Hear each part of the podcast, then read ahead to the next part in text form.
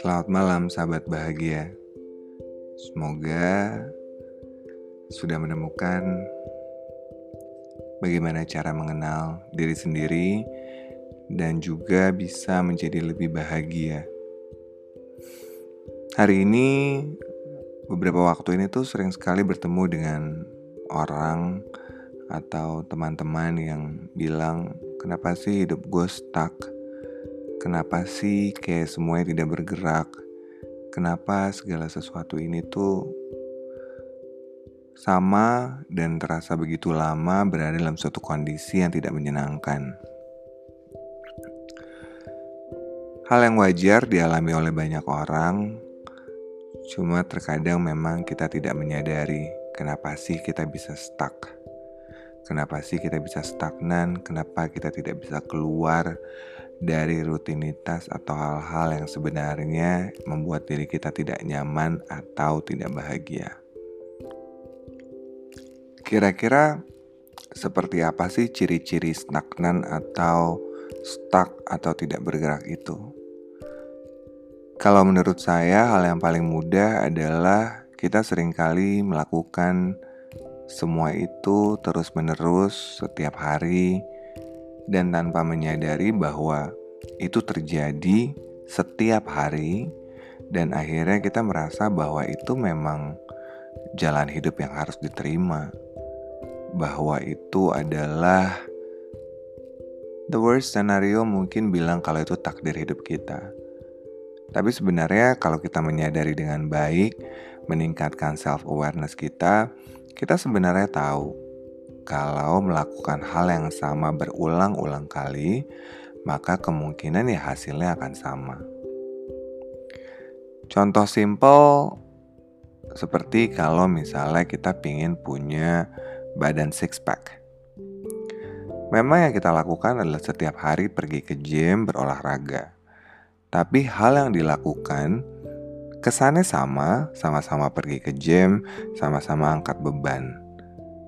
Tapi sebenarnya ketika kita mengamati perjalanan kita menuju kita bisa mendapatkan badan yang six pack, itu ada perubahan-perubahan yang juga terjadi secara konsisten. Mulai dari berat beban yang diangkat, mulai dari perubahan cara makan, mulai dari perubahan gerakan, fokus pada bagian tertentu.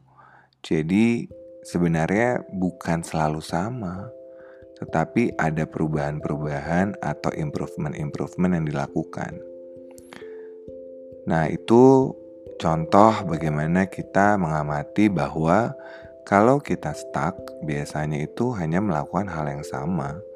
Karena kalau misalnya kita pergi ke gym kemudian hasilnya sama, ya kemungkinan besar jumlah latihan atau jenis latihan atau apa pun yang kita lakukan kurang lebih adalah sama. Jadi menurut saya yang paling penting adalah kita menyadari dulu apakah stagnan atau stuck atau tidak bergerak dalam hidup kita ini apakah memang kita yang memilih atau boleh dibilang tidak menyadari kita melakukan hal itu terus-menerus dan akhirnya menghasilkan hal yang sama yang dalam kasus ini adalah sesuatu yang tidak kita sukai. Jadi di hari ini saya ingin mengajak kita semua untuk meningkatkan kesadaran, meningkatkan self awareness, meningkatkan rasa cinta terhadap diri sendiri bahwa menjadi diri yang lebih berguna dan bermanfaat itu penting dan menyadari apakah hal-hal yang saya sebutkan nanti ini adalah hal-hal yang biasa kita lakukan atau kita temui dalam kehidupan kita sehari-hari, sehingga tidak aneh bahwa kita merasa bahwa hidup kita stuck, hidup kita stagnan, dan tidak bergerak. Yang pertama adalah, menurut saya, berhenti berharap melakukan hal yang sama untuk hasil yang berbeda. Terkadang kita cuma nggak sadar bahwa kita sudah melakukan hal yang terus-menerus, terus kemudian kita merasa bosan, merasa bingung, kenapa hasilnya seperti ini? Kenapa hasilnya tidak menjadi lebih baik? Jadi, menurut saya, itu yang paling penting: sadar benar bahwa kalau kita mau mendapatkan hasil yang berbeda, maka hal yang dilakukan tidak boleh sama. Harus ada hal-hal baru atau hal-hal yang lebih baik yang bisa kita amati, sehingga kita mendapatkan hasil yang berbeda.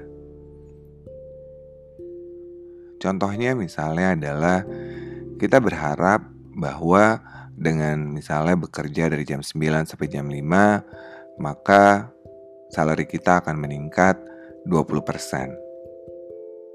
Tapi kita hanya melakukan tugas yang sama dari hari ke hari, bulan ke bulan. Hal itu mungkin saja terjadi mendapatkan kenaikan 20%, tapi pasti akan lebih sulit karena yang harus kita ingat, mungkin saja orang-orang di sekitar kita melakukan hal yang jauh lebih banyak daripada kita. Jadi, menurut saya, sadari benar bahwa kalau melakukan hal yang sama dan hasilnya tidak kita sukai, maka kita harus benar-benar sadar untuk merubah, melakukan hal yang berbeda, atau hal yang lebih baik untuk hasil yang berbeda. Kemudian ini yang kedua yang biasanya juga banyak terjadi adalah kita hanya bertumpu pada doa. Kita berdoa setiap hari, meminta ada perbaikan dalam hidup, meminta ada jalan keluar, tapi kita tidak melakukan usaha yang berbeda. Karena mungkin saja dalam hidup, usaha yang kita lakukan jalannya bisa macam-macam dan jalan yang pernah kita tempuh mungkin belum semuanya cocok untuk kita. Tapi ada hal-hal yang bisa kita pelajari dari hal tersebut untuk sesuatu yang nantinya akan lebih cocok untuk kita. Jadi berdoa adalah penting, tapi bukan segalanya dan tidak bisa berhasil mendapatkan hasil yang berbeda kalau kita tidak melakukan usaha yang berbeda. Kemudian selain itu yang ketiga adalah kita berharap adanya mukjizat, adanya bantuan orang lain, kemudian kondisi yang tiba-tiba berubah, keadaan yang tiba-tiba berubah. Seandainya kita bisa menyadari bahwa hal itu terjadi karena kita pun berubah. Kalau kita mau berubah, kalau kita mau menggunakan atau mencari cara yang berbeda, maka kondisi akan berbeda. Sehingga mungkin saja saat itu kita bilang bahwa oh, ini adalah mukjizat. Oh, akhirnya ada orang membantu saya. Oh, akhirnya kondisi berubah. Padahal itu karena kita pun berubah baik kita merubah cara berpikir kita, bagaimana kita berusaha juga berubah, sehingga kalau menurut hukum alam yang saya pelajari, hukum semesta, bahwa setiap reaksi, setiap aksi akan menghasilkan reaksi, ya begitulah dengan hal ini pun. Ketika stuck, stagnan tidak bergerak, ya itu karena memang tidak ada perubahan yang kita lakukan. Tapi ketika kita melakukan sesuatu yang berbeda, keluar dari zona nyaman, melihat segala sesuatu dengan cara pandang yang berbeda, apa yang akan datang pada kita pun akan berbeda, dan pastinya akan jauh lebih baik. Kemudian, yang berikutnya adalah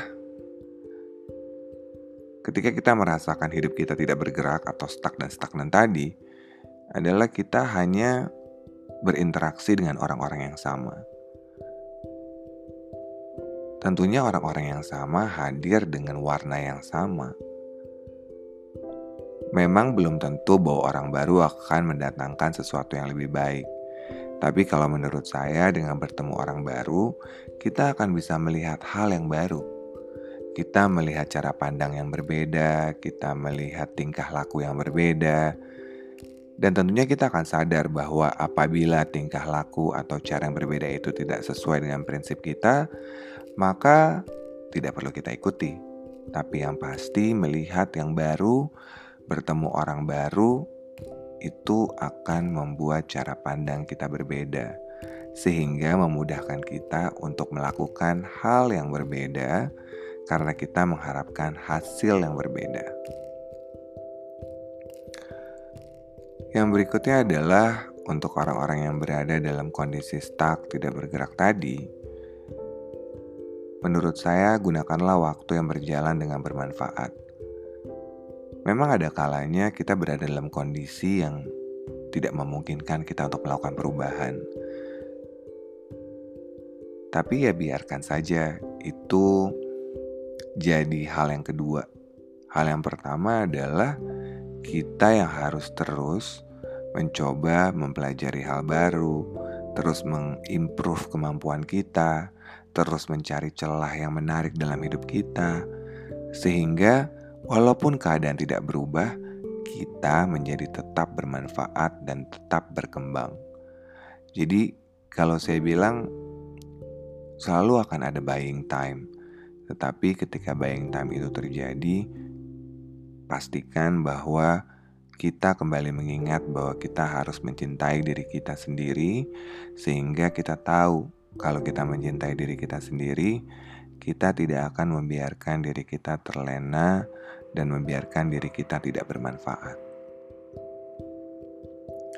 Kemudian, yang penting lagi menurut saya, apabila kita ingin keluar dari situasi tersebut, adalah berusaha menentukan tujuan hidup menentukan tujuan yang kita mau di waktu yang akan datang. Karena kalau tidak punya tujuan, akhirnya ya hidup akan sama-sama saja. Akan berbeda kalau kita memiliki tujuan hidup yang jelas. Buat saya tujuan hidup tuh tidak hanya satu, bisa banyak, tapi bisa difokuskan dalam satu waktu tertentu. Sehingga apa pun yang kita lakukan, kita jadi ingat dan sadar bahwa ketika kita melakukan hal yang sama terus-menerus, apakah itu bisa menjawab tujuan hidup kita? Yang berikutnya adalah menurut saya yang penting untuk dilakukan adalah terus melakukan evaluasi. Evaluasi itu sebenarnya kata lain dari kembali kepada diri kita sendiri, berpikir, menelaah apa yang kita lakukan sudah benar atau tidak, cara berpikir kita sudah tepat atau tidak, apakah kita menjadi manusia yang menyakiti diri sendiri, atau kita menyakiti orang lain.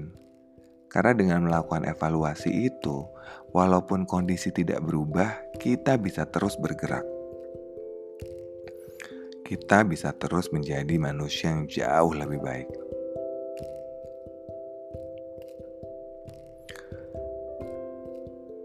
Yang berikutnya adalah berhenti berpikir negatif. Selalu bilang tidak bisa, selalu bilang tidak mungkin, susah. Kalau begitu nanti bagaimana? Selalu banyak pertanyaan-pertanyaan yang sebenarnya kita pun tidak tahu jawabannya. Jadi menurut saya harus terus berada dalam kondisi positif, dalam kondisi yang yakin bahwa setiap hal yang kita lakukan, setiap hal yang kita pelajari, setiap hal yang kita perbaiki, maka akan mendatangkan sesuatu perubahan dalam hidup.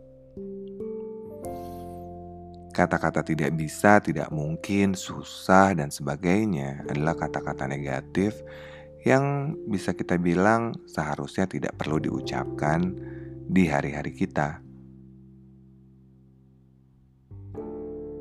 Kita bisa melihat dengan berhenti mengatakan hal yang seperti negatif tadi, sehingga kita bisa melihat dari sisi yang lain. Namun, kita harus selalu sadar bahwa hal-hal yang negatif, seperti berpikir, berkata-kata negatif, bereaksi negatif itu sama saja dengan menyakiti diri kita sendiri.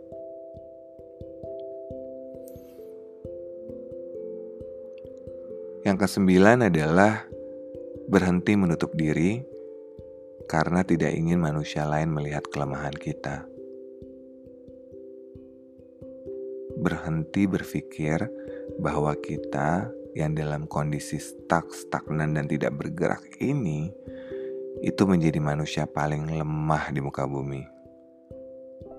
Berhenti sahabat bahagia.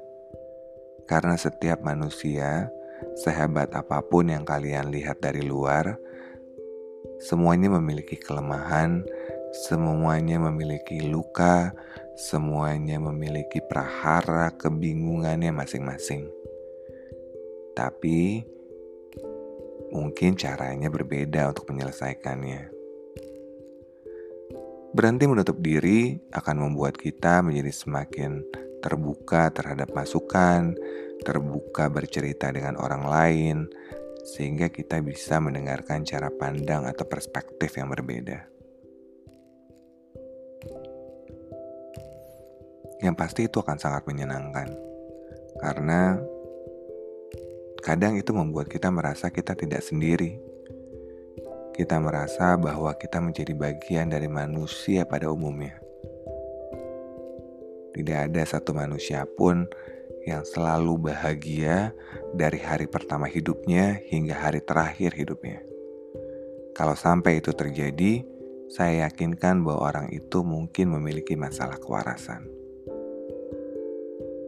Tapi, untuk memiliki tingkat kebahagiaan yang jauh lebih banyak daripada tingkat kesedihan, itu bisa diusahakan dengan merubah cara berpikir, merubah rasa, menjaga cara kita menjaga, aksi dan reaksi yang kita lakukan setiap harinya. Dan yang terakhir, yang ke-10, kalau saya nggak salah ini kayak yang ke-10, adalah ini penting, berhenti menyalahkan orang lain dan kondisi terus-menerus. Orang lain memang bisa membuat Anda mungkin berada dalam kondisi yang tidak diuntungkan. Kondisinya kayaknya memang begini, sulit untuk dirubah. Berhenti menyalahkan, karena itu tidak akan menyelesaikan apa pun. Kembali kepada diri kita sendiri, apa yang perlu kita rubah, apa yang perlu kita lakukan agar segalanya berubah, dan yang pasti bukan melakukan hal yang sama terus-menerus untuk hasil yang berbeda. Saya yakin kalau kita bisa melakukan hal itu, pasti ada perubahan dalam hidup yang akan membuat kita menjadi lebih bersyukur, menjadi lebih menyadari bahwa dengan mencintai diri kita, maka kita akan melakukan hal-hal yang baik, melakukan hal-hal yang akan membuat diri kita menjadi manusia yang lebih berguna. At least kita merasa berguna, karena itulah intinya. Kita tidak bisa berguna kalau kita tidak merasa berguna. Kita tidak bisa mencintai orang lain kalau kita tidak mencintai diri kita sendiri. Sahabat bahagia, semoga um, podcast hari ini bermanfaat dan menurut saya perjalanan hidup ini tidak perlu terburu-buru. Begitu banyak waktu yang bisa dipelajari dan begitu banyak rasa yang bisa ditelaah sehingga kita bisa lebih mengenal diri kita sendiri. Terima kasih sudah berbagi waktu bersama Rumah Bahagia. Saya Adri Basuki. you